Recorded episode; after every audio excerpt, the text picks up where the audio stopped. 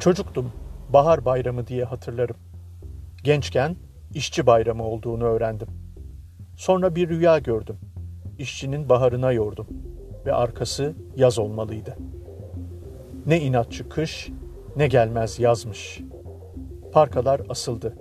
Tulumlar eskidi. Önlükler yırtıldı. Alet edevat bozuldu. Sahipler zevkten, komisyoncular afiyetten bayıldı. Üretenin, emekçinin yüzü bir türlü gülmedi. Onları emekli ettik ümit etmekten. Emekçiler artık emekliler. Emekliler hala emekçiler. Zaruretten.''